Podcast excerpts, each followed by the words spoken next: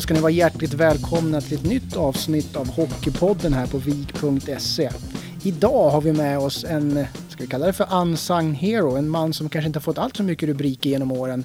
Västerås IKs målvaktstränare Patrik Sjöström, välkommen hit! Tack så mycket! Du har ju en målvaktskarriär innan du blev målvaktstränare. Hur började det här?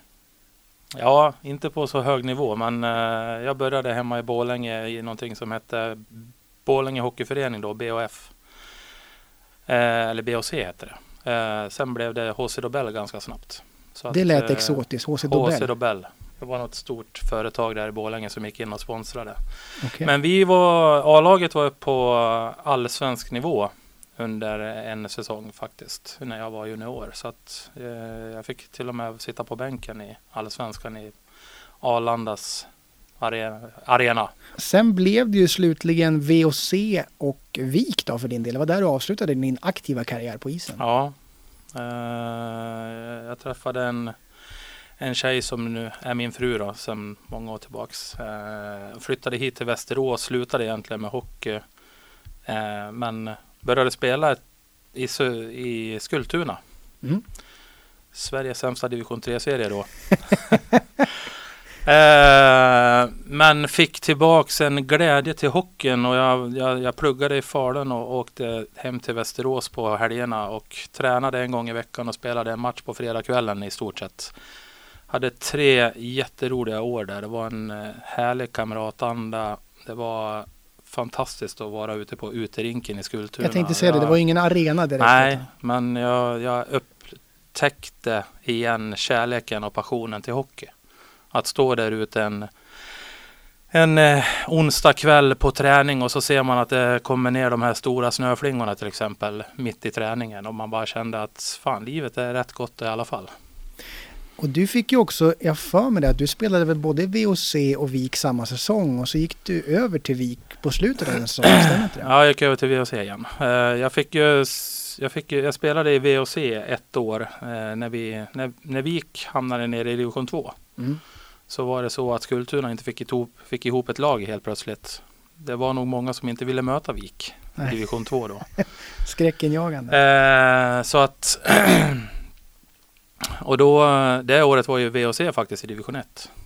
En division högre än Vik. Eh, så att jag fick eh, efter någon månad på hösten där, VOC hade väl startat lite smådåligt och då fick jag möjligheten att åka dit och provträna en vecka och blev kvar med Rolle Eriksson som eh, tränare.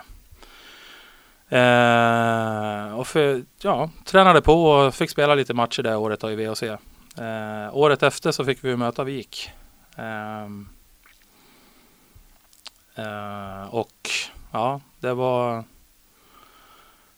eh, året efter då, då hade jag blivit värvad till Vik. Mm. Mm.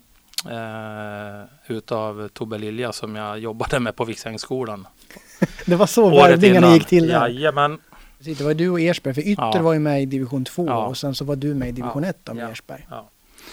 Så att eh, eh, och Erik var väldigt bra. Ja, så det vart inte så mycket matcher då? Nej, jag spelade fem matcher men jag har aldrig haft så roligt med hockey. Ja, det var fantastiska träningar. Eh, det, var, det var tuffare träningar än att spela de fem matcher som jag spelade. Eh, Dennis, eller Jonas Finn Olsson var ju med på isen och och, och, lite så. Så det var ju, det var ju hög klass. Men eh, jag jobbade som lärare och kom ner till träningen 45 minuter innan isen började och då hade de här juniorerna som var med i laget då, de hade kört en timme fys i gymmet innan. Var Grillen och, och, och ja, Sandgren och ja, Söderqvist. Och, ja, det, det, liksom, det håller inte på den nivån med de ambitionerna som vi hade. Så att uh, i februari vid fönstret där så fick jag, blev jag uppkallad till till Göran B Lundbergs kontor som var sportchef då, och då sa han att vi har tagit hit en ny målvakt. Då det var Tobias Bessfall då. Men då fick jag möjligheten att gå tillbaka till VOC. Mm. Vilket var fantastiskt roligt för att helt plötsligt så eh, jag kom in där och fick stå faktiskt nio matcher utav de där 15 som skulle vara i fortsättningsserien och vi var bara sista matchen ifrån att kunna få kvala uppåt bakvägen upp till allsvensk kval mot Vik då. Så det, och då hade vi varit to, då hade vi och jag varit tok sist i serien innan jul. Då. Så att det var en, det var en bra avslutning. Och samtidigt som Göran kickade mig så sa han att Ni är ju vänner idag eller? Ja, faktiskt. Eh, mycket goda. Eh, han sa väl att han hade förstått att jag tyckte att det fanns saker att göra på målvaktsträningssidan och sådana saker här. Så att var jag intresserad i framtiden så var jag välkommen tillbaks. Och då, då stod jag här hösten efter då jag hade bestämt mig för, vi hade fått barn då ett halvår tidigare. Att det nu, jag, jag så roligare än det här året, halvåret i Vik med mycket träning, det kommer jag aldrig att få något mer så att det, det fick vara nog där. Men eh, då stod jag där på hösten och så fick jag komma in och, och börja träna med ungdomsmålvakter då, till att börja med. Vilket jag höll på med i fyra år. Ja, och sen hoppar vi fram då till säsongen 07-08 och det är då du kliver in i A-lagsmiljö första gången då? Ja, ja precis. Och eh, jag får en halvtidstjänst som målvaktstränare i föreningen på A-lag och juniorer och ungdomar och, och dessutom vara med på hockeygymnasieträningarna. Så att Patrik Julin gick upp på kontoret och började jobba på en marknad och då fick jag chansen där att komma in och, och, och, ta hand om sex HG-träningar och eh, jobba med målvakter och jag fick dessutom börja träna med mål, A-lagsmålvakterna. Då. Mm. Och i det här fallet då, första året för dig, då var det Johan Talberg och Jens Holmström. Så de här målvakterna hade inte du valt att jobba med utan det, det, var, de, det var de du fick jobba med. Mm, ja, absolut. Uh, men uh, jag, jag, har något svagt minne av att jag hade väl sagt någonting åt, åt det hållet också. Att jag tror att de här två kommer att hålla på allsvensk nivå. Det, för backar man bara någon säsong så var det ju Fredrik Grizzly Eriksson som var tillsammans med Johan Talberg ja. och ett Jens. år. Jens. De och sen, skiftade där lite grann. Precis, och så valde man då att satsa på de säsongen efter 06-07. Eller ja, då var Grizzly fortfarande kvar den säsongen. Men 07-08 skulle man bara köra på den här yngre Ålagsparet. Hur tycker du att det fungerade? Det var ju ganska oprövade målvakter. Det var oprövade målvakter. Eh, det var fortfarande höga förväntningar på det allsvenska laget. Men eh, båda två gjorde det jättebra. Eh, och, och med den så pass unga som de var så, så är det faktiskt en, det, det var väldigt bra insatser de gjorde tillsammans för, under det året. För det var ju också första gången sedan omstarten laget tog sig till kvalserien också. Mm. Så det var ju en otrolig prövning för de här ja. unga målvakterna och ja. spela även mot elitserielagen som Absolut. på den tiden. Men eh, ibland så är det så. Eh, ung och nej, jag, kan, jag ska inte fortsätta säga det men det var, de var väldigt målmedvetna båda två. Och mm. eh, vi, hade, vi hade ett lag som, som kunde hjälpa dem i försvarsspelet. Och, eh, det, det är så. Det, det, det, är en, det är en laginsats oavsett om det är vinst eller förlust. Så, eh, hela biten stämde bra. Så att det, det gick bra med de två om du jämför den typen av hockey som spelades då med den som spelas idag, är det liksom dag och natt eller finns det spår av det? Eller hur? För det var ju Tornberg Ivarsson som basade över laget då. Eh, nej, det man pratade redan då om att det skulle vara fart och, och mycket spelvändningar och sådana saker. Men det, det, har hänt mycket på 13 år. Det, det går snabbare idag och det, det är hårdare skott och, och sådana saker. Det kanske är det här att vi, vi ser ju lite mindre utav finesser med, med både två, tre och fyra passningar innan det händer saker idag. I dagens hockey jämfört med då. Så att det kanske är lite där då. Att kunna ta det, det, är mer sällan vi ser att man tar ner tempot och utmanar en mot en och klarar av att ta sig förbi en motståndare och komma in på mål idag jämfört med då. Säsongen efter då, 08-09, då skulle ju Johan Talberg opereras har jag ett svagt minne av. Så då plockade ni in Mikael Boman som en tredje länk i den där målvakts Ja, precis. Så då var vi tre målvakter på träning också under en, en, en, några månader. Ja, hur funkar det då? Ja, det var en omställning. Det var, det var ju bara mitt andra år också dessutom. Första året var jag kanske inte riktigt målvaktstränare på riktigt heller för att jag var inte med laget utan jag, jag körde två förmiddagar i veckan då det var frivillig träning var jag på is med målvakterna och de utespelare som inte hade jobb och kunde vara med och skjuta. Bland annat Fredda Johansson. Eh, var med en hel del då. Eh, men det här året 08-09 då går då vill jag väl minnas lite grann att då kom jag väl in och fick vara med på lite fler ordinarie träningar också. Mm. Så det kändes mer på riktigt. Men jag är ju, det är ju fortfarande bara mitt andra år i, i det hela. Så jag tycker så här när jag tittar tillbaks på det så var jag ju väldigt grön. Grön då, absolut. Men Mikael Boman då som hade stått på huvudet, axlar, knä och tå i Arboga i många år. Hur kommer det sig att han plockades in då? Som en slags nödlösning? Ja men just för att han eh, var ju väldigt duktig och har presterat på, på hög nivå. Absolut. Eh, en härlig kille som var träningsvillig och körde på. Men det, det, det som är skillnaden mellan Arboga och Västerås blir, eh, blir att det, de här förväntningarna som är här i Västerås, de, de, eh, de är mycket högre eh, och det märks. För det gick ju inte så jättebra för Mikael. Han fick ju en ganska tuff tid i Vik och sen försvann han väl egentligen ja, efter att väl, Talberg kom tillbaka. Det gick väl lite godkänt kan, är min minnesbild. Eh, men eh, vi hade väl kanske hoppats på lite mer. Eh, ännu lite mer med tanke på att vi hade sett honom stått på huvudet här mot oss åren innan. Men blir det också en skillnad att i Arboga kanske han får uppåt 50 skott på sig varje match i topplag i Hockeyallsvenskan som Vik var då kanske det blir runt 20-30. Är det också en det, skillnad? Det är en skillnad tillsammans med de andra förväntningarna att här i Västerås så kan man ju släppa två eller tre mål om man förlorar matchen och då är det katastrof. Medan i Arboga så kunde du förlora du med 2-1 eller 3-2 så, så var det fortfarande en, en bra match. Mm. Eh, och det är det som är skillnaden mellan att ha de här höga förväntningarna att vi ska ligga högt upp och vi ska, vi ska sträva uppåt hela tiden. Då blir det då blir det en eh, ytterligare nivå. Och det var väl också lite mer vilda västern-hockey den säsongen. Då hade ni ju Albrandt och Lausson som gjorde enormt mycket poäng framåt. Men ni släppte ju in ganska mycket mål också. Så det ja, var väldigt målrika till, matcher. Till att börja med den säsongen så var det så. Det var väl, eh, det var väl någon gång där i november som, som det kom en liten vändning. Eh, eh, Hur kommer i, det i laget. Vad var det som hände då? Nej, men det hade ju, dels så hade det blivit en ändring på, på ledarsidan. Mm. Tornberg hade ju eh, försvunnit ur ledartrojkan. Mm. Så att det var ju Ivarsson och Poppe kvar då.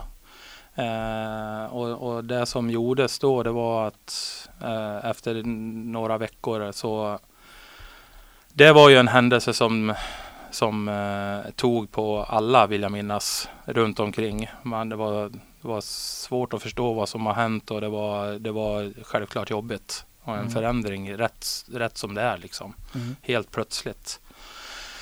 Eh, men sen eh, vet jag att vi var till en, eh, vi, vi använde oss av en idrottspsykolog här i stan, Anders Nilsson, som vi var på och hade en hel dag med laget och tränar eh, alla ledare runt om laget. Och där tyckte jag att det kändes som att Eh, vi kom ihop oss och eh, fick eh, säga vad det är vi ska bidra med var och en. Och när, när alla inför alla andra fick säga vad jag ska bidra med för att det här ska bli bra. Då, då blev det verkligare på något sätt. Och jag tyckte att det blev en tydlig skillnad på träning, målmedvetenheten på träning och målmedvetenheten och, och beslutsamheten på matcher.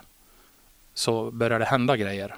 Eh, och, och, tillsammans med nämnda killars powerplay och lite sådana saker som eh, började komma igång då så, eh, så blev det ju så att det blev tydligare och tydligare att motståndarna blev lite mer passiva för att man visste att vi kan inte vi kan inte ta en utvisning på Västerås för då, då ringer det. Mm. Och det var väl lite kombinationer där också som gjorde att det, det blev det, det vände. Och den här säsongen tog ni ju hela vägen till kvalserien via en tredje plats om jag inte minns helt fel. Men där vart det lite jobbigt än en gång med de här man säger, lite yngre orutinerade laget som ni hade då. Ja, det var väl, eh, det är ju någonting som har tagits upp tidigare. Att det, det blev ju lite grann eh, att äntligen så tog vi oss till kvalserien. Eh, det var första gången jag var med men de som hade varit här under några år innan där så var det ju äntligen att vi hade tagit oss till kvalserien. Så det blev ju klang och jubelföreställning eh, när vi, sista matchen som, som eh, vi spelade då vi blev klara inför kvalserien. Bofors borta. Eh, så att spelarna ropades tillbaks in på isen och ledarna var ute på isen och hej och hå. Det var liksom Så man, liksom, man kan säga att fantastiskt. Så det, ur det var väl lite grann så att vi Ja, om, om det var att det smög in sig en nöjdhet. Mm. Det handlade mer om att vi skulle vara där och, och förstöra en för andra än att vi... vi Det fanns liksom ingen ja, riktig men det målsättning var, ja, att gå men upp tycker du? Det, så var känslan för mig. Men Mm. eh, där har ju alla olika. Det, det kan andra ha andra känslor och Men om, tankar. om det var klang och jubel 08-09 så var det ju mer dystert säsongen efter 09-10 där. Då var det ju en ganska tung säsong för laget. Man hamnade ju utanför slutspel och man bytte tränare. Och det var även rotationer på målvaktssidan. Holmström Talberg inledde säsongen tillsammans med hela laget hade de ju väldigt tungt och sen kom ju Daniel Sperle in där. Hur kommer det sig att han kom in? Daniel Spelle kom in efter jul. Ja, men det, bö- det, med, det var väl så att eh, eh, ledningen ovanför eh, jag vet inte hur involverad trän de andra tränarna var. Jag var inte involverad utan det, jag fick väl i stort sett veta att eh, det var klart att de hade tagit in Daniel Spelle där. Mm. Eh, och vad anledningarna var, ja, men det, det, det, det, är väl så att ledningen ovanför tyckte att det kanske behövdes in någonting mer rutinerat för att, för att rädda det som räddas kunde där. Där Men du vart inte konsulterad alls i den frågan. Det är lite märkligt kan man ju tycka så här i efterhand. Ja, men å andra sidan så återigen så tittar jag tillbaks på det så, så är jag fortfarande inte riktigt eh, så är jag fortfarande inte riktigt så, så inne i det här. Utan Nej. jag är fortfarande ganska grön tycker jag själv. Mm. Eh, så att det, det kan jag förstå där och då. Men, Men men Sperles blev- intåg då, vad betyder det för laget? Det blev, eh, ja, det, det blev ett, ett lugn. Så eh, när han kom in och, och spelade de första matcherna så märkte man att det blev ett lugn på isen och, eh, och eh, sen om utespelarna steppade upp eller inte det, det, det har jag inga minnen utav utan det blev ett lugn och vi, vi gjorde det som behövdes för att vi inte skulle hamna i någon kvalserie neråt. Mm. Sen tog vi oss ju inte till topp 8 där det året så att vi å andra sidan där så lyckades vi inte alls nå de målsättningar som vi hade då. Och då lämnade ju också Johan Talberg till eh, Växjö där. så det Växjö var ju det. Holmström och Sperle Ja. som var kvar där. Precis. Men det hade du inte heller någonting påverkan på. Nej, det var, vi, jag blev tillfrågad lite grann och då, då var det lite grann sådär att ja, men hur, hur ska det vara nu då? Vem, vem är det som ska stå?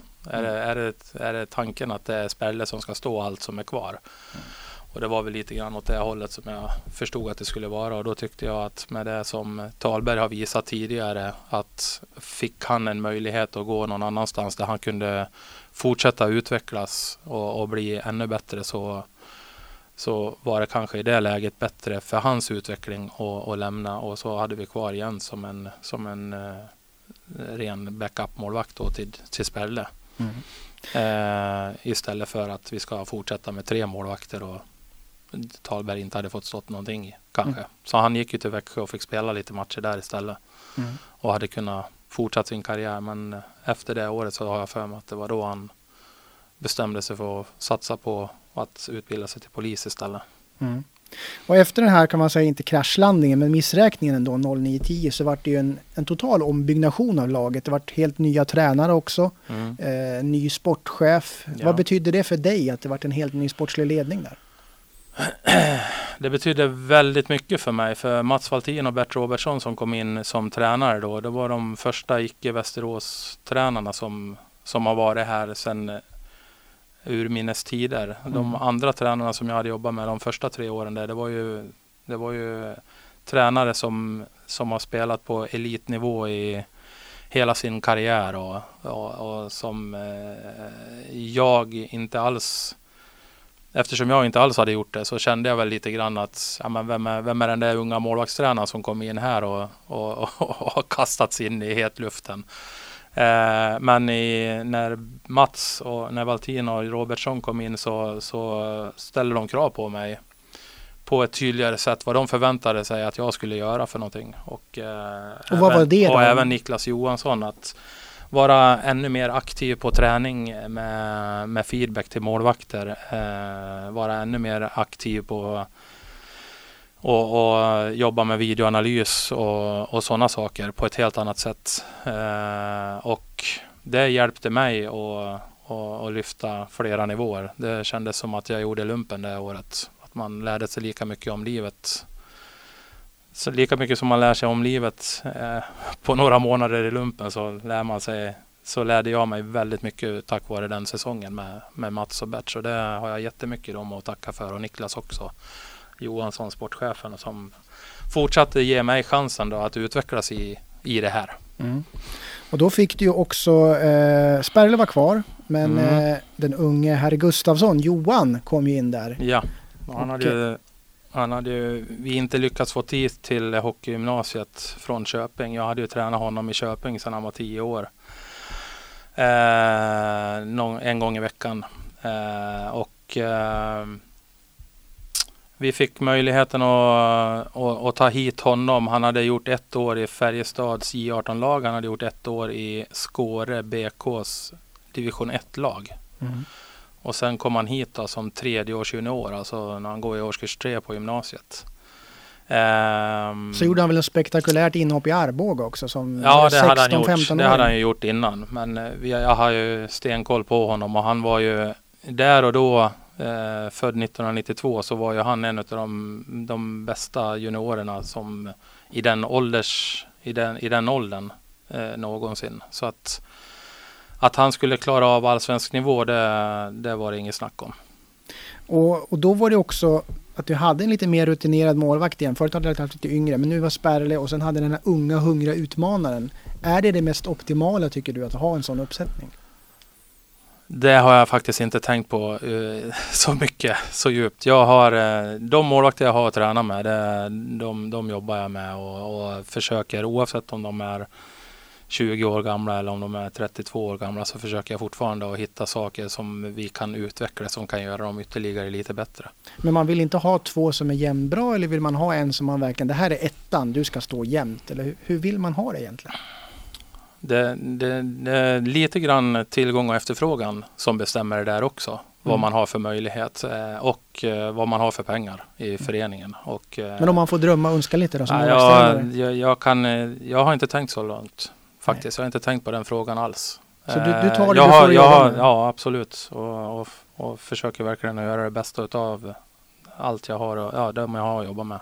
Sen är det ju en liten intressant detalj också att eh, Sperle var ju en ganska liten målvakt och eh, Jiger och Johan Gustafsson ganska storväxt. Där hade du verkligen ytterligheterna samtidigt i laget. Hur, ja. hur jobbar man där? Måste man lägga om träningen specifikt ännu mer om man är så stor skillnad på dem? Så, I stilar och så vidare. Jag försöker oavsett vilken målvakt jag har, de kan ju se väldigt olika ut. Så, så den in, speciella individen tittar jag på och försöker se vad, vad är det som är bra och bra grund i, i den här målvakten och vad finns det för saker som vi kan skruva på för att göra det ännu bättre för att resultaten ska bli ännu bättre prestationerna ska bli ännu bättre. Eh, så det är väldigt individbaserat? Det blir, individbas det blir individbaserat så att eh, visst kan man jobba med Oftast nu om vi går tillbaka de senaste åren så jobbar vi med samma övning jag och båda de andra två målvakterna när vi har våran målvaktsträningstid.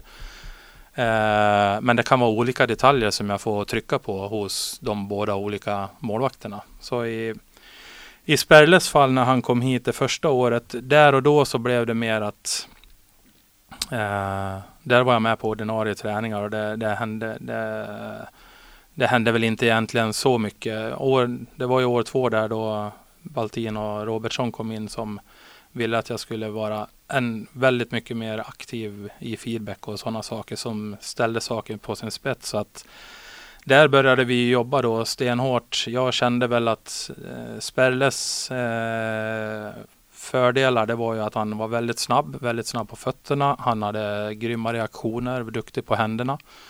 Eh, det han kunde utveckla det var ju att kunna få en större stabilitet i spelet och lita ännu mer på eh, eh, Eh, att vara i rätt position. Eh, och, och därmed kunna rädda lite färre skott långt utifrån kroppen.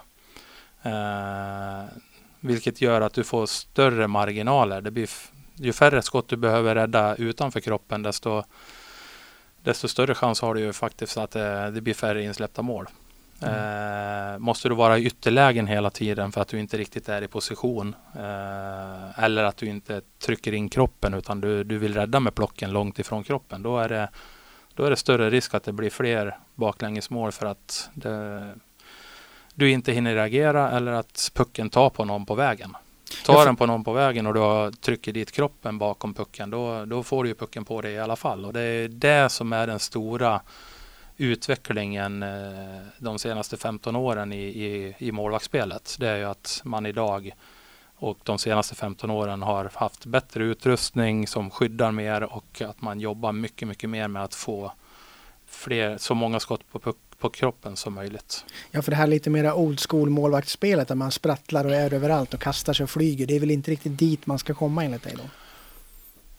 Nej, det är också en balans. För vi vill fortfarande att målvakterna ska vara akrobatiska och, och, och så. Eh, så att det, det, är en balans i att man, man vill att målvakterna, jag vill att målvakterna ska ha aktiva händer och, och, och snabba fötter, det måste man ha.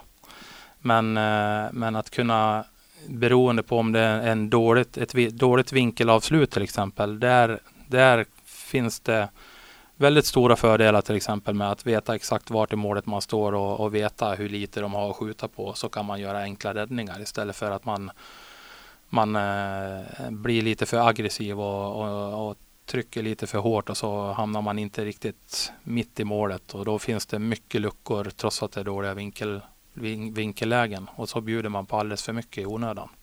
Så att där var det två olika målvakter att väldigt väldigt stor skillnad mellan Sperle och Gustafsson förstås. Eh, Sperle som var mindre, men eh, vi jobbade, han jobbade stenhårt. Han köpte det jag sa och, och jobbade stenhårt på att, att eh, jobba mer med position och, och kunna jobba med lite mer enkla räddningar. Och jag tycker att det blev ett fantastiskt resultat på det. Jag tyckte han gjorde en fantastiskt stabil säsong det året. Han hade ju smått otroliga 1,4 insläppta mål per match och 93,9 eh, procents räddningar på fyra matcher i slutspelet. Då kan ja. man ju tycka att ni borde gått till kvalserien, men det gör ni inte ändå. Nej, tyvärr. Hur är det möjligt? Är det måltorka? Nej, det räckte ju med att vi förlorade.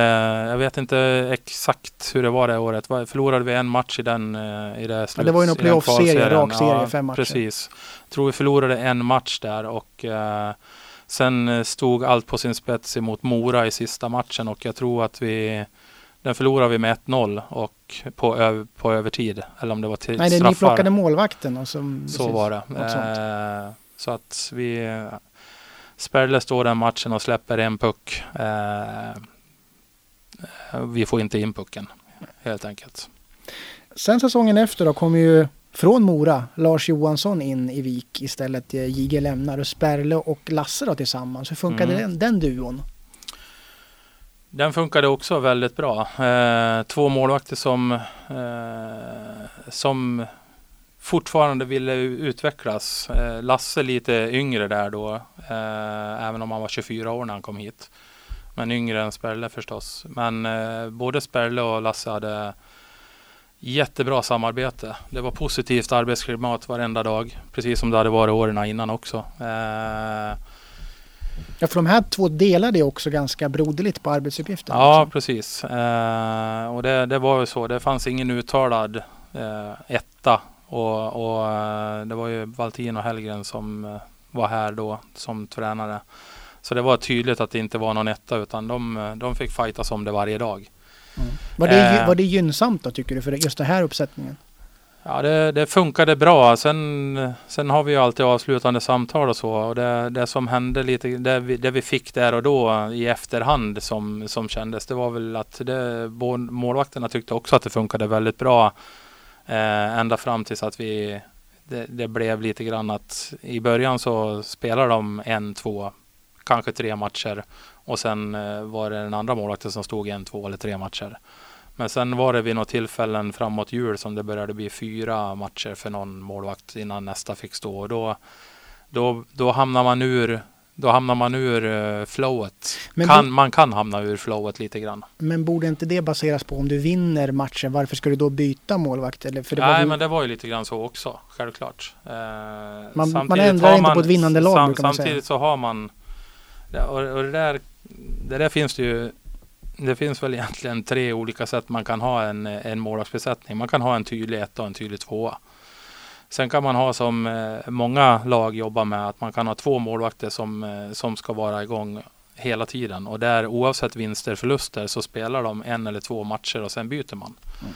Då får båda möjlighet att hela tiden vara inne i matchningen och i flowet. Mm. Och sen kan man och sen finns det ett tredje sätt och det blir det här att man eh, man, man bara jobbar efter att så länge man vinner så står en målvakt och så fort någon inte vinner då, då byter man målvakt. Och det, det är i min värld så är det ett sämre sätt att jobba på för att det, det gör, det gör ehm, det gör det svårare för målvakten att vara i flowet hela tiden. Mm. Eh, säsongen efter då så kom ju Gustav Lindvall in eh, och mm. backade upp Lars Johansson. Då vinner på 12-13 här. Ja. Eh, det var väl också, om jag inte är helt ute och cyklar, NHL-strejkssäsongen. Så det var lite ja, stjärn, stjärnglans över ja, laget också. Vi hade några duktiga motståndare det året ja. också. Eh, men då var det lite mer uttalat att Lars, eh, Lars Johansson skulle vara första målvakt. Lindvall stod bara sex matcher. Ja. Var det någonting som var bestämt från början där att Lasse var första målvakt och Lindvall skulle vara här och se och lära eller hur, hur var tanken? Ja, men det blev, det, tanken var väl lite grann att Lasse skulle förmodligen vara våran etta som vi, som vi hoppades och trodde. Eh, men att Lindvall skulle komma hit och vara en bra backup målvakt. Eh, minns inte helt och hållet som han kom från Tingsryd. Han, året innan. Han, hade varit, han var andra års senior när han kom till oss. Bra. Eh, han hade ju varit i Skellefteås organisation hela, hela sin uppväxt och juniortiden. Sen ett år i Tingsryd och sen eh, kom han hit då. Så att eh, men det har ju det, gått det var, ganska bra för honom också. Ja, absolut. Det har gått fantastiskt bra för honom. Från det, bänken i Vik till SHL. Det, det, är en saga som är värt att göra ett ett, eh, en tv-dokumentär om faktiskt. För han är en han är nog den målvakt som har varit jag har haft väldigt många målmedvetna målvakter men som han krigade när han var här. Jag har, han, eh, varje, innan varje träning när jag kom hit till hallen, de gånger jag inte hade varit på HG i hockeygymnasieträning innan från tidig morgon. Så om jag kom hit en onsdag till exempel vid nio, då hade han varit ute och kört fys redan i en halvtimme, 45 minuter och fortsatte köra den i en halvtimme, 45 minuter till innan isträningen. Trots att han bara stod sex matcher så var det så hans dagar såg ut, så, så hans veckor såg ut varenda vecka. Dag, vecka ut och vecka in. Han, han, kör, han skötte sin egen fys eh, helt och hållet och Dessutom så höll han lite grann på att ta knäcken på mig faktiskt. Eh, för att han, han tog ju inte en dag ledigt utan hade vi kommit hemifrån, hade A-laget kommit hemifrån en bortamatch klockan tre på natten innan så, så skulle han upp på is och vi skulle köra klockan nio i alla fall dagen efter jag och han. Jag och, han.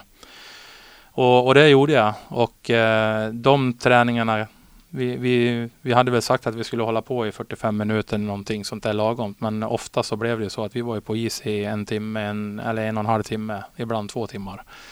Eh, så han hade ett väldigt bra träningsår eh, och tack vare träningen så, så tyckte jag själv i alla fall att han utvecklades, utvecklade mycket saker. Sen att han inte fick möjligheten att visa det i matcher där och då det är ju olyckligt. Å andra sidan så hade vi Lasse där som gjorde en helt magisk säsong. Eh, så att förhoppningsvis så, så tycker Gustav i, i, så här i efterhand ändå att, att eh, det, var, det var ett bra år. Sen var det så att vi hade ju möjligheten att kunna ha haft kvar honom året efter men där och då så blev det ju så att då kände vi lite grann att ska Gustav vara andra målis ett år till. Eh, det är inte det bästa för honom. Eh, och, och, då när vi då, då pratade vi om sådana saker också. Då, då, gjorde vi andra val året efter. Eh, och det var då tog han vägen via Arlanda division 1 och, och AIK och sen, sen är det en saga det är häftigt. Absolut. Jag unnar honom varenda grej för att han har verkligen, han har verkligen kämpat. Men Lars Johansson då? Vi har ju en siffra här. 49 matcher, 1,88, 93,7 räddningsprocent. Det är väldigt bra siffror på en hel säsong. Ja, vi sa ja magiskt. Ja. ja, det var, det var verkligen magiskt. Eh, han, året innan, hans första år här, 11-12, då det var han och Sperle, så han kom hit och jag tittade på honom på träning som jag brukar göra de första veckan, första två veckorna för att skapa mig en bild av hur ser det ut på träning och vad, vad, vad finns det för någonting här som är en bra grund att jobba vidare på och vad finns det för små saker som, om det nu finns några, som man kan skruva lite grann på. Det, jag visste ju att eh, Lasse spelade ju väldigt mycket old school stående. Eh, så han hade ju inte så väldigt utvecklat knästående spel som hade blivit väldigt eh, där och då 2012, 2011, 2012 så hade ju det ändå varit eh, utvecklingen sedan fyra, fem år tillbaks i tiden innan det. Eh, Vad menas med knäspel? Ja, men knästående spelet att, att spela, spela närspel till exempel. Att har du hamnat nere på isen så fortsätter du nere på isen. Som en innebandymålvakt? Vrider och trycker och, och, och sådana saker. Ja, precis. Eh, stå på knäna med bra balans och kontroll på allt. Eh, det finns ju ingen anledning om pucken stannar kvar en meter ifrån dig att hoppa upp på båda fötterna för då blir det ett stort hål mellan benen och bara trycka hit en retur på till exempel. Utan då, då stannar man nere och så, så kommer pucken till en till slut oftast. Eh, men första året där så var det jag vet, jag minns att den första grejen som jag reagerade på det var väl att Lasse under en och samma övning med cirka 40 avslut kunde hålla plocken på, på tio olika ställen. Han, han tog en puck och där han höll på plocken på ett ställe och sen så fort han släppte in en puck så, så böt han plockens grundställning på plocken helt enkelt. Så jag pratade med honom om det och, och fick honom att köpa att bestämma sig för att ha plocken på ett ställe och, och utgå därifrån och sen ha den där i tre, fyra veckor framöver för att se liksom om det kan göra någon skillnad. Mm. Eh, och sen därifrån till att utveckla eh, det knästående spelet väldigt mycket. Eh, den enda grejen som man inte ville jobba med, som man inte ville ändra, det, det, var, det var hur han höll stöten. Mm. Kan man då, hålla den på så mycket ja, men, olika sätt? Ja, lite grann. Ja, men man kan ha den lite längre, lite, lite mer, eh, lite längre ifrån kroppen eller lite närmare kroppen. Mm. Eh, beroende på hur man håller den så blir det ett större eller mindre hål under armen. Mellan armen och kroppen. Eh, och det kan ju försvåra det hela i vissa lägen. För det är ju trots allt så att de ska hinna reagera väldigt snabbt. Och, eh, men där drog han gränsen? Att där får du... Där, den fick jag inte röra eh, det året. Eh, så då lät jag bli det. Eh, eh och sen när vi kliver på isen första träningarna 2012-2013 då är det precis som att allt det vi har tränat på som man 11-12 kanske inte riktigt det såg inte helt bekvämt ut precis allting. Det hade hänt väldigt mycket. Men eh, det var inte riktigt det där så att det såg synkat ut precis allting. Men eh, första ispasset 2012-2013 så var det bara wow. Vad är det som har hänt? Allting sitter som vi hade tränat på och dessutom höll han stöten så som jag hade velat haft det året innan. Poletten hade trillat ner under sommaren där alltså. Utan att jag hade nämnt någonting eller någon, någonting. Men eh, Lasse får en jättebra start på försäsongen. Eh, vi åker på en kupp i Finland eh, som vi vinner. Eh, Lasse gör en, en jättebra match där. Eh, bondar lite ytterligare på vägen hem på båten. Eh, och, och eh, vår relation växer väl en hel del under det året också. Jag har väl också lärt mig mer att försöka hitta människan också bakom hockeyspelaren så att man inte bara kommer ner till träningen och så är det en hockeyspelare som jag tränar utan att eh, i det här fallet komma närmare in på människorna också. Eh, människan eh, bakom målvakten. Eh, och där kom vi en bra bit på vägen tycker jag. Och det har varit fantastiskt att fått haft fortsatt kontakt efteråt också. Lite då och då. Ja, för han försvinner ju sen där, Lasse, efter de där fina säsongerna. Och då kommer ju Jonas Fransson och Luca Boltzhauser kommer in där säsongen 13-14. Ja, precis. Och då är vi väl återigen där när vi har en uttalad etta och en väldigt ung och lovande tvåa. Ja, det var ju så det var att när vi gjorde klart med Fransson så, så var det hur ska vi göra med Gustav Lindvall nu? Och då, då var det ju tydligt att ja, men det är ju Fransson som, det är ju han som ska vara våran etta. Så att då, då kändes det som att det går inte att ha kvar Gustav så vi behövde hitta en, en tvåa där då och då blev det Boltzhauser som kom som sista års junior ifrån Färjestads eh, juniororganisation då. Han hade gått hockeygymnasium där i tre år. Men han måste ju varit ovän med tränaren för han fick inte stå en minut nästan.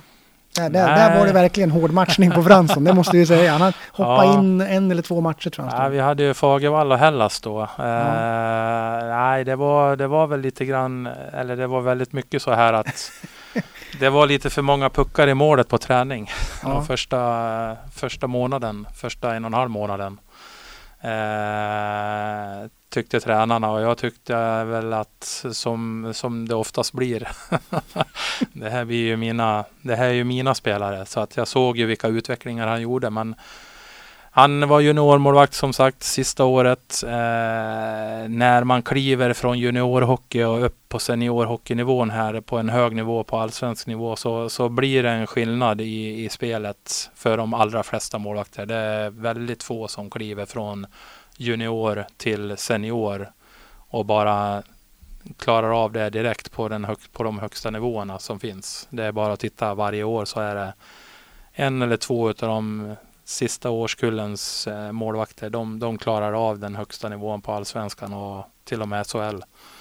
Men eh, det är få som gör det. Men eh, Boltzhauser han hade viljan och eh, han tävlade och eh, vart eftersom så, så förbättrade han sina eh, så förbättrade han sig på träning också. Men då hade ju Fransson tror jag de första tio matcherna så höll han väl sju nollor det mm. året. Uh, det, det, var, var ju liksom väldigt inget, defensiv hockey ja, då, så ja, det var ju verkligen uddamålsvinster hela tiden. Och, och Jonas gjorde det fantastiskt bra och hade, hade redan liksom tagit den där spaden och det var ju liksom inget snack om saken att han skulle fortsätta stå sådär. Så att det, det handlar ju mer om, ska vi ge Boltzhauser någon match så att Fransson får vila lite grann. Mm. För året innan hade vi väl lite grann känslan att eh, om, eh, om eh, Lasse hade stått, han stod i nästan allting då och han också det året. 49 att det, matcher. det blev lite för mycket matcher eh, med kvalserien till slut. Eh, så att vi, vi funderade väl på och liksom pratade om att ta in Boltzhauser men det blev liksom inte riktigt läge någon Nej. gång. Utan Fransson han, han klarade av det där. Ja, han på 51 matcher så var det 1,84 insläppta mål och 93,8 ja. i räddningsprocent. Så det är inte fy skam. Nej, det var väldigt bra siffror det också. Det är, det är precis som Lasses. ja, snudd på. Eh, året efter då, 14-15, då kom ju Jonathan Bjure in. Eh, mm. Som eh, alternativ då till Fransson och där vart det ju en liten förändringsresa under säsongen, lite fram och tillbaka kan man väl säga. Fransson började ju som etta. Ja, absolut, det gjorde han. Eh, och sen där var det väl så att då hade vi pratat vidare om det där men det blev lite grann så. Fransson började väl inte på samma sätt och höll 7-0 på 10 matcher utan eh, och, och, och Bjure låg ju längre fram än vad Boltzhauser gjorde året innan. Eh, ja, för han kommer från division 1 och Visby. Ja, men han hade gjort ett par år i Visby och med bra siffror. Eh, mm. Jag hade följt honom redan sedan han var 13-14 år. En gång i tiden då jag var nere i Jonstorp som målvaktstränare på en sommarhockeyskola en vecka så, så visste jag att eh, Bjure var 15 år gammal då och skulle spela TV-pucken året efter och sen dess så hade jag följt hans karriär lite grann för att eh, han var med i Skånes TV-puckslag och eh, gick till AIK på hockeygymnasium och, och, lite så. Så att jag, kunde, jag, hade, jag hade haft lite koll på honom i bakgrunden sådär. Mm och, och, visste väl att när vi fick chansen, när vi skulle hitta en tvåa tillsammans med Fransson så, så, kände, vi, så kände jag väl direkt eh, när jag fick Bjurös namn att den här, det här, kan, det här kan vara någonting riktigt bra för han är redo för sitt nästa steg i karriären. Eh, och där blev det ju då också så att där var det väl lite grann så i början att det var lite blandade resultat och då, då fick Jonathan komma in eh, var fjärde, var femte match till att börja med. Mm. För det här var ju en säsong där laget låg sist också i början på säsongen och vart ju etta i slutet av säsongen. Ja, så precis. Ja, precis. Så att, eh, och då i början där i september, oktober så då stod, fick han ju stå, då stod ju Fransson fyra matcher och sen stod Bjure en match och sen stod Fransson tre matcher och sen stod Bjure en match. Eh, men varje gång som Bjure stod så gjorde han det fantastiskt bra. Så att framåt, framåt jul så blev det lite grann mer sådär att då, då tyckte vi att vi hade två målvakter som, som var bra. Och eh, vi, vi spelade båda två. Eh, lite jämnare. Och då kommer vi tillbaks på det här att, att man har två målvakter i flowet istället för att gå stenhårt på en som kanske är helt slut när vi ska när vi ska vara som bäst i slutet i april. Och sen blev det ju eh, serieseger i sista omgångarna där. Och eh, laget skulle möta Karlskrona och då inledde ju Bjure hade ju spaden då mot mm, Karlskrona. Mm, mm. Eh, gick ju tyvärr inte vägen den gången och då var det ju ett byte till Fransson i matcherna mot Rögle. Hur, hur resonerade ni där när ni bytte målvakt helt och hållet? Nej men det blev väl eh, Jonas kom ju in och spelade match eh, fyra mot mot Karlskrona borta och vi leder ju den matchen med 1-0 tills det är 10 minuter kvar. Mm. Han gör ju en jättebra match där och liksom eh, professionellt som att han eh, fortsatt att träna och, och, och, fokusera och bara vänta på helt plötsligt att få sin tur. Och mm. när han väl fick den så tog han den. Eh, så att när han gjorde när han gjorde den insatsen så så fick han också möjligheten att, att fortsätta mot Rögle där. Mm. Mm. Och tyvärr inte någon succé där heller för laget i alla fall. Nej, precis. Det var väl lite grann så att eh, det kommer väl kanske många ihåg, men det, det, det, var lite grann. Det var väl lite grann att luften hade gått ur där efter Karlskrona, tyvärr. Ja, det är ganska unik upplevelse att ja, få en chans om man förlorar en final och ändå få en chans till en guldplacering ja, ändå. Precis. Ja, Rögle hade ju kommit, de hade ju förstärkt med två, tre spelare eh, om jag inte minns fel, i, i, precis innan fönstret stängde som förstärkte deras lag och de hade en de var verkligen en ja, de var som en frustande hingst som bara skulle framåt. Eh, och, och, och, vi hade åkt på den där smällen mot Karlskrona och det, vi, vi hann inte mobilisera ny kraft för det helt enkelt. Kände jag lite grann. Sen då säsongen 15-16 då var det ju tyvärr ännu tyngre då för laget. Eh, det var Fransson och Dalbom som inledde där. Dalbom ny, vi kan väl börja med honom. Varför tog ni in honom där, Marcus Dalbom? Eh, samma sak där. Vi har fortfarande Fransson här som, som, eh, som, är, som är grunden i, i, i målvakteriet där. Bjure fick ju chansen i, i Modo i SHL. Eh, så att han försvann ifrån oss. Hade vi fått som vi hade velat så hade vi haft kvar både Fransson och Bjure även där året. Men eh, Bjure försvann så vi var tvungna att hitta en ny och då som sagt vi hade Jonas fortfarande och eh, då gällde det att få in en, en målvakt och när vi har att välja på alla målvakter vi har och vi har en viss peng för att vi ville jag tror väl att sportchefen ville väl lägga lite mer pengar på kanske att hitta poänggörare och vassa utespelare också. Då, då hittade vi Dalbom som, eh, som inte riktigt hade dem eh, var uppe på den nivån. Men han var också en eh, målvakt som hade gjort det bra ifrån sig på division 1 nivå och var redo för nästa steg. Mm. Upplevde vi. Och där blev det ju så att Fransson hade ju en tung säsong och, och sladdade lite grann och Dalbom fick väl hoppa in titt som tätt även han. Där jag tror säsongen. att Dalbom stod 15 matcher där uh, och, och det, där blir det ju att man bedömer dem ju på olika sätt och jag, det, jag förstår att publiken också gör det. Uh, Dalbom står 15 matcher, jag tror han vinner fem av dem. Uh, men att han gjorde väl helt godkänt under de 15 matcherna. Eh, utifrån eh, den nivå som vi kunde förvänta oss där och då, mm. tycker jag. Eh, Fransson, det är absolut ingen katastrof. Egentligen så tycker jag att det är en i det närmaste godkänd säsong i stort som man gör. Det är bara det att vi, vi gör inte jättemycket mål det, det året framåt. Mm. Och då, då, då blir det tufft att förlora med 1-2. Mm. Eller eh, som det blev ganska många gånger har för mig. Eller 2-3. Sen kommer det in en sensationell målvakt, i alla fall i förhand, en vitrysk landslagsmålvakt, Vitali Koval. Vad låg bakom den värvningen? Hur gick det till? Ja, det var väl att vi hade högt ställda förväntningar och skulle ta oss till de här topp 8 åtminstone. Eh, och vi var ju på väg och det, det, var ju fullt krig om att ta sig dit. Och, eh, och då jag, jag, får veta utav Niklas Johansson, då, sportchefen, att vi har fått eh, vi har fått ett tips om en målvakt som som eh, i, i det närma, eller klart och tydligt, han skulle kunna vara målvakt i vilket SHL-lag som helst. Eh, första målis och eh, med landslagsmeriter och eh, ifrån Vitryssland och, och så. Och eh, med, med de referenser som vi fick som var, som var väldigt bra. Eh, och det lilla jag hann sitta och titta på några OS och VM-matcher som han hade spelat så eh, i, och med att, I och med att vi inte vann de här jämna matcherna på slutet och så, så, kände, väl, så kände ledningen att äh, men, då kan det här vara det som hjälper oss. Då, då, då, då, då gjordes det valet helt mm. enkelt. För det var ju lite kaotisk tid. Tränarbytet ja. skedde ju samtidigt också. Ja, så att det precis. var ju Appelgren Rosén som kom in där också. Och ja. sen kom ju match mot Leksand där var det ja, väl? Det var för... första matchen både för Koval och för nya tränarkonstellationen då. Ja.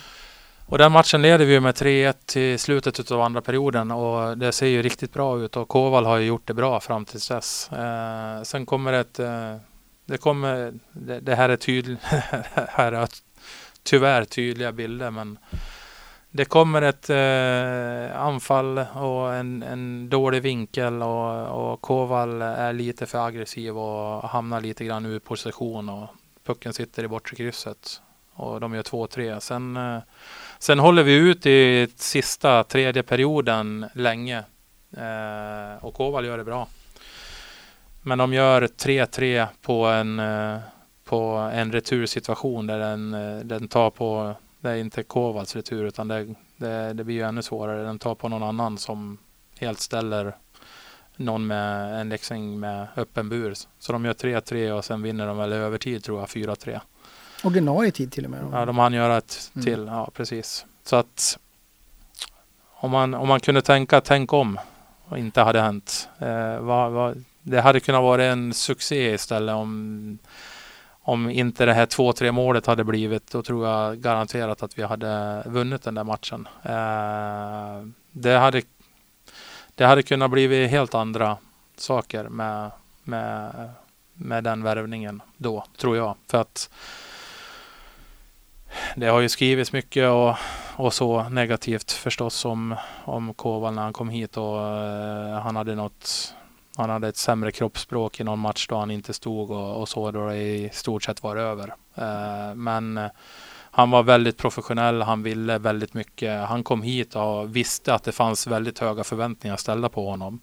Eh, han har varit på högsta nivå i Ryssland i, i hela sin karriär så att han har ju varit med på hög nivå länge så han visste vad som, vad som gällde och, och när, när en sån där sak händer då mot Leksand i den matchen. Det, det, är en, det är en sån professionell målvakt vill göra, vilket de andra målvakterna som vi pratat om tidigare också har velat. Dagen efter på träning, då vill de visa att jag är bättre än så här. Jag är den som ni ska lita på. Och då, då spelar de oftast ännu mer aggressivt och, och vill ännu mer. Och det, det är den balansgången, det är det man behöver som en travkusk ha, ha, kunna använda och få, få ner de här, den här aggressiviteten i, i spelet. För att ju aggressivare spelet blir, då blir det flängigare och, och sprattligare och då, då, då ser det inte bra ut till slut. Så att vi, vi jobbade hårt på, på att bara, bara nyttja hans fötter och händer och, och, och lita på det han är bra på. Men eh, när det väl kom till match och adrenalinet sätter in då, då blir det lite för mycket. Jag vill, jag vill lite mer. Mm. Och det, ja, det, det, lyckades inte. Och det, i slutändan så var det inget bra. Men tänk om. Ja, tänk om. Det finns många sådana. Jag ska nog inte ens dra upp den dörren. Eh, sen blir det ju tyvärr då en ännu tyngre säsong 16-17 och då är det ju Henrik Lundberg och Marcus Dahlbom som är ditt målvaktspar ja. den säsongen. Och eh, till att börja med så förutsättningarna är ju ganska jobbiga. Det var ju en rekonstruktion och ekonomisk kris och så mm. vidare mm. innan där. Men, men vad, vad tycker du är känslan i truppen och bland dina målvakter inför den här säsongen? Är det liksom en krig om att överleva eller fanns det mer positiva tongångar i laget? Nej, det, det, vi hade eh, högre förväntningar förstås. Vi, det var väl att, att ta sig till topp 8 det året också. Absolut. Sen, eh, sen får vi en olycklig start på säsongen. Vi, jag tror inte vi har många poäng efter 10 eller 12, 13 omgångar. Hade vi vunnit en match eller något sånt. Vi hade väl en 3, 4, 5 poäng efter 12, 13 omgångar tror jag. Sen tog vi ju kapp och under eh, november, december om jag minns rätt. Eh, och var över strecket och var på väg till någonting bättre. Men eh, sen kom en Sen kom ett tapp igen, tyvärr. Eh, och det var väl lite grann så det året också att vi gjorde lite, lite, vi gjorde lite för lite mål och släppte in någon puck för mycket. Men jag vet att jag minns att Henrik Lundberg där fick väl eh, publikens pris som bästa spelare under den säsongen. Så att han hade ju en väldigt bra säsong. Han, han, han fick ju till och med SHL-kontrakt igen efter att ha lämnat Örebro och haft den här säsongen i Allsvenskan här och gjort det fantastiskt bra hela säsongen. Trots att vi åker ur så, så är han ju absolut en av de bästa målvakterna i, i Allsvenskan det året tyvärr. Hur tog han den här Björklöven-matchen? Vart han helt knäckt också som resten av laget eller tyckte du att han repade sig rätt bra jag, efter den? Jag träffade honom, eh, jag lät honom vara efter matchen och tills vi klev på bussen och när, han, när vi ska kliva på bussen och vi vet att vi ställs inför en kvalserie då så så möter jag upp honom utanför bussen innan vi ska åka hemåt. Och eh, jag, jag, säger vad jag tycker och jag, då, då, sa jag att jag tycker att du gör en jag tycker att du gör en jättebra match. Du, du, du ger oss chansen att vinna den här matchen också. Och det var ju så. Vi hade ju vi, vi hade ju 2-2 tills det är 43 sekunder kvar. Och, men, eh, men där ser man också professionaliteten och, och, och den, den här passionen som gör att de här killarna är på den här nivån. Han, han tycker ju att han inte alls gjorde som han ville ha gjort på, på det sista målet. Och dessutom så säger han ju att det är det här vi har tränat på flera veckor nu. Mm. Precis en liknande situation och ja, det men det var väl också någon strumprullar, det var väl inget eh, klassavslut utan det var mycket slump. Nej, det, blev ett, det, det, blev ett inspel och, och, han tyckte väl att han skulle ha gjort på ett litet annorlunda sätt. Så och så. Men ja, pucken gick in. Men eh, ja, han, han gjorde ändå en bra match där. Han gav oss chansen att eh, ha klarat att ta den där poängen som vi hade behövt för att undvika kvalserien, absolut. Men det blir Hockeyettan för laget och kvar då blir ju Marcus Dahlbom, han som har suttit på bänken då två säsonger kan man väl säga. Han väljer ni till att bli den som ska ta laget tillbaka till Hockeyallsvenskan. Hur gick resonemanget där? Ja, vi kände att eh, att han skulle kunna klara av det. Eh, han, har, han har varit här i två år, eh, fått bra träning i två år. Vi vet att han sedan tidigare har spelat på en hög nivå, på division 1 nivå. Eh, Istället för att hitta någonting nytt så, så vi, vi valde att tro på honom stenhårt eh, och kompletterade upp honom med Daniel Wahlberg då från våra egna juniorled som som gjorde det väldigt bra de få matcher som han stod så, så vann han faktiskt flera av de match, de flesta av de matcherna åt oss. Och någon match så behövde, be, behövde väl inte han kanske vinna matchen åt oss men, men eh, han gjorde det väldigt bra. Eh, var ett bra komplement på träning och positivt målvaktspar att jobba med men vi valde Dalbom och där valde vi rätt. Ja, för det är ju en, det är ju en resa han gör som sagt. Ligger lite i bakvattnet bakom både Fransson och sen Lundberg. Men vad tycker du låg bakom hans succé då? Vad var anledningen till att laget tar steget om man ser från målvakternas synvinkel? Ja, vi, vi, vi, vi jobbar vidare med de saker som eh, jag och Marcus hade jobbat på där de första två åren med att få hans fötter att bli ännu snabbare och, och lita ännu mer på händerna och de bitarna. Sen går vi väl in i säsongen, eh, försäsongen och den är, den är helt okej. Okay. Det, det, ser bra ut. Eh, vi går in i de första matcherna i division 1 och det, det funkar hyfsat bra. Sen, eh, sen har vi, jag har, jag har ett starkt minne när, vi, när jag åker med på Skövde borta. Jag tror det är match, kan det vara match sju eller något sånt där. Mm. Och det är ju första gången som det, som det, det som det är ett topplag, ett förväntat topplag som vi möter i den serien. Uh, och uh, jag åker med dit och, och, och, spelar in matchen och taggar matchen då, så att vi har video på, på allt. Så till, både till coachen och till mig som och kunna gå igenom med Marcus också efter matchen. Vi, lycka, vi förlorade den matchen med 3-4 och eh, efteråt i bussen så är vi ju nedstämda och, och i ledningen där med jag och Pananen och Zäta så, så, så finns det ju en viss, ja, det, det, det är mycket känslor. Tänk, ni tänker att de står med facklor vid hallen och ja, avgår? Nej, inte så, men det, det, var irritation eh, att det här var, det här, här gav vi oss inte själva chansen att vinna. Mm. Eh, så att jag vet att jag, jag kallar ner Marcus till, eh, till nederdelen av bussen där vi ledare sitter och jag sitter längst fram. Och,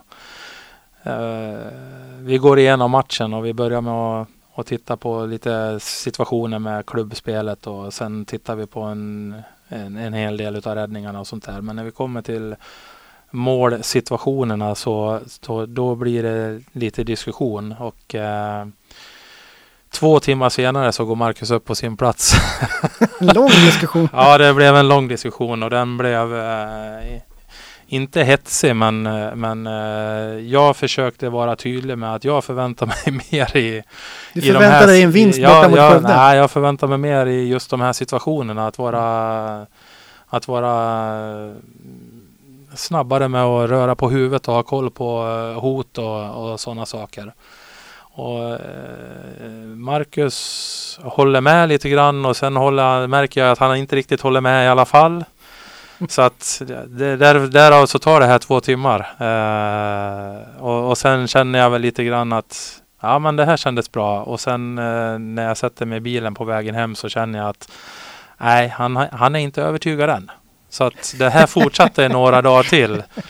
Eh, men där och då så hände någonting. Där och då så därifrån så, så, så steppar Marcus upp ännu lite till eh, på träning. Eh, och vi får med oss några resultat. Grums borta. Eh, 6-1 vinner vi med. Och, och, Mark, och trots att vi vinner med 6-1 så gör Marcus en grym match för att de har otroligt mycket bra mål, målchanser. Eh, och där händer någonting. Där händer första grejen. Sen, eh, sen blir vi klara för allettan ganska tidigt, en 6-7 matcher ifrån slutet redan. Eh, men träningen fortsätter bra. Sen när vi går in i allettan då, då åker vi på, pump, på, åker vi på några plumpar igen där i början. Mot eh, Norrlandslagen va? Ja, precis. Eh, och det är samma sak där, precis som Pananen och Zäta fick ut maximalt utav utespelarna så så lyckas vi också få ut maximalt av Marcus. För han, han, är, ja, han är övermänsklig i vissa av de där matcherna. Piteå borta när vi vinner med 2-1. Då är det, vi har situationer I kvalserien där. Är I kvalserien är vi nu. Då är Marcus, han, han räddar en och två och tre gånger och sen har vi fyra stycken spelare som ligger på mållinjen innanför målområdet och räddar puck nummer fem när han inte kan rädda den sista Eh, så att en, verkligen en laginsats hela vägen och ja, vi, varenda spelare får ut precis 100 procent. Så det är det som gör lyckan i slutändan. Och sen har han väl berättat själv att när Sebastian Benker ska lägga sista straffen för Troja, då står han i princip där, men Ja, den, nu ja, för fan. ja, han skiter i den faktiskt. Han man, orkar inte, han vill fira. det kan man ge honom. Men då blir det ju eh, succé och Hockeyallsvenskan. Men att då, om vi hänger kvar på Marcus del då, att gå från den där succén och enorma framgången till en ganska rejäl baksmälla för hans del när Samuel Ersson kommer in som ett skott från ingenstans och tar första spaden ifrån honom. Ja, Det är ju dag och natt det där. ja. Vad är det som händer där? Ja, det är... eh, Eh, det är en enorm eh, energitömning att gå igenom hela det året som vi gjorde. Med, med, vi hade förväntningar, vi hade målsättningen att vi ska vara med och slåss om att ta oss upp i, i allsvenskan. Men att bara göra det eh, när vi kanske rent ekonomiskt och, och lagmässigt så rent från början så har vi ju så har vi ju kanske in, vi har ju inte de vi, vi kan inte sätta den kravbilden på oss att vi ska göra det. Det går inte. Utan vi ska vi, vi tog ett, ett steg i taget så att säga. Vi ska till allettan. Det var målsättningen nummer ett. Eh, apropå det som hände 10 år tidigare eller 13 år tidigare. Eh, Tiden går. Ja, precis. Men eh, det, det, det blir verkligen en energitömning och eh, Marcus kom eh, det, det, blev ju fys när off-ice-säsongen börjar så, så blir det lite grann så här att det är, det är Marcus som får prata om sådana här saker själv egentligen men ja, det, den energitömningen den, den, är, den, den kan vara svår att klara av. Mm. Eh, jag vet ju att Fredrik Holmgren en gång i tiden som tog upp AIK Mm. eh, i SHL, vad kan det vara då, för tio år sedan? Mm. I samma kvalserie som vi var med i. Eh, han och Kristoffer Heino Lindberg var ju målvakter och Heino stod ju varenda match. Eh, Fredrik Holmgren kommer in. Heino ju illa sig sista allettan-matchen, eller sista sista matchen innan kvalserien ska börja. Mm. Och Fredrik Holmgren ska stå tio matcher i kvalserien och de har kravet på sig att de ska upp i SHL. De sätter ju in en psykolog på Fredrik Holmgren där. Eh, som han får prata med varje dag. Men eh, efter han går upp där och jag vet att AIK säger då att vi vill ha med dig i SHL så han väljer att lägga av där för han, han orkade inte med. Eh, han, han, pressen under kvalserien hade blivit för mycket för honom där. Eh, nu tror jag inte att nu är det inte det som hände i Marcus fall men, men någonting liknande just att han tömde sig fullständigt på energi och då han, han, han inte ladda om helt enkelt. Mm. Och, Men vi kan ju vända på det också och säga att Samuel Erssons eh, spel är ju någonting ganska sagolikt också. Man kan ju inte bara hänga upp sig på Marcus spel där. Nej, utan eh, Marcus gör ju, han, han gör ju några riktigt bra matcher i början av serien där också. Sen, sen blir det någon plump och, och, men, men han gör ju fortfarande några riktigt bra matcher mot AIK vill jag minnas här hemma och, och någonting mer.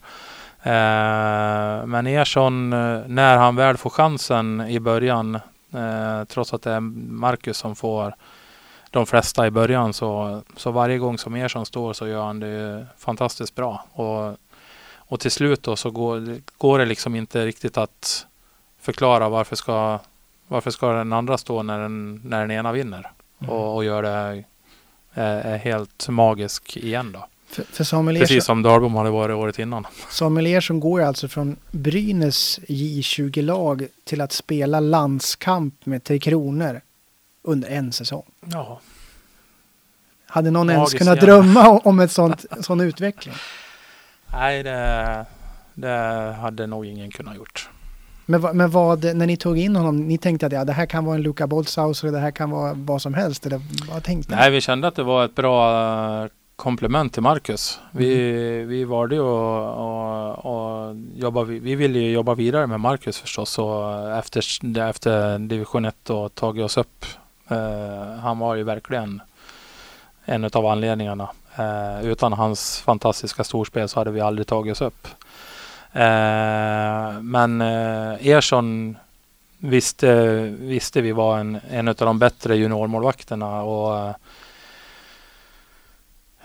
där och då igen då med, med de pengar som vi har och vilka vi kunde välja mellan då. Så då, då kände jag när jag fick höra namnen att eh, eller kände vi att det, det var inget snack om saken att nej, men vi, vi, tror att han, vi trodde att han skulle kunna klara av och, och jobba sig in i, i, i det här och det, det gjorde han. Det gjorde han. Eh, sen då när Ersson lämnar klubben, eh, Dalbom lika så då. Hur, hur ersätter man en, en sån som Ersson? För ni väljer ju att plocka in Kruse och Myrenberg och jag antar då att ni tänker att Kruse ska stå, Myrenberg kan växa med uppgiften och så vidare. Men, ja, absolut. Men där blir det också en resa under säsongen. Ja, och där har jag faktiskt pratat lite grann med, med en, en målvakt som, jag, som har fått lite erfarenhet nu genom åren och varit utomlands och så på hög nivå. Men eh, de kommer ju in med två helt olika förutsättningar. Emil kommer ju hit och jag, jag vet ju att han blev ju håsad i, i en massa medier och, och sådana saker. Att, och, och det, det gör att de, de kommer in på helt olika förutsättningar. Myrenberg han han kommer hit med, med varenda match han får stå så är det en framgång och det är, det är positivt. Medan Emil han kommer hit och, och ja, men han vill ta ett nästa steg och, och, och hej och hå. Och sen rätt som det är så kommer han hit och så kommer det här trycket. Och, och, och så, så funkar inte allting exakt så det är suveränt som alla har förväntat sig på en gång. Och sen blir det Sen kan det bli tankar och funderingar. Så att eh, det, det, är någonting och, som vi får jobba vidare med nu. Eh, men nu är det ju också så att nu är det första gången sedan Holmström Talberg-eran som ni behåller båda målvakterna två år i rad. Det är ganska unikt. Om det inte nu händer någonting under sommaren. Jag det vet man tänkt på. Nej, men, men, men jag tänker hur pass mycket betyder det med kontinuitet på målvaktssidan när båda målvakterna är kvar? Ja, det ska bli, det ska bli skönt. Uh, jag måste inte lära känna någon ny helt och hållet. Uh, nej men det, det ska bli jättekul att gå in i nästa säsong och, och jobba med att och, och, se vad det här tar vägen någonstans med både Kruse och med Myrenberg. För att jag har två målvakter som kommer att ta fortsatta steg under nästa säsong. Det tror jag. Men nu ska jag sätta dig på pottan här på att säga. Men nu måste du välja ut den målvakten som du tycker har varit bäst av alla de här målvakterna. Någon, någon måste ju sticka ut som att den här killen, han var outstanding. Så nu får du ju faktiskt ta och välja ut. Och det är inte frågan om att oh. peta ner någon, utan någon måste ju ha varit bäst av alla de här. Sen kan de ha varit bra på olika saker, men vi får plocka en. Helst idag. Ja, om jag ska ta eh, vad, vad, vad, vad målvakten hjälpte oss med under säsongen och, och vad som hände därefter så, så, så blir det med Lasse Johansson. Det blir det. Men mm. eh, jag är glad att ha fått jobba med varenda en och det är ju många som har haft fortsatta bra karriärer efter att ha varit här i något år eller så också. Det är många som har, det är ju flera som har hamnat i SHL i slutändan eller året efter. Bjurö och Lundberg och Allt Lindvall till slut också. Mm som blev utsedd till bäst i SHL i år. Det är magiskt. Så Lasse Johansson, du har titeln som Patrik Sjöströms favoritmålvakt genom alla tider här ja, i Västerås. Ja, tack för den. Nu blev jag hatobjekt ännu mer hos de andra.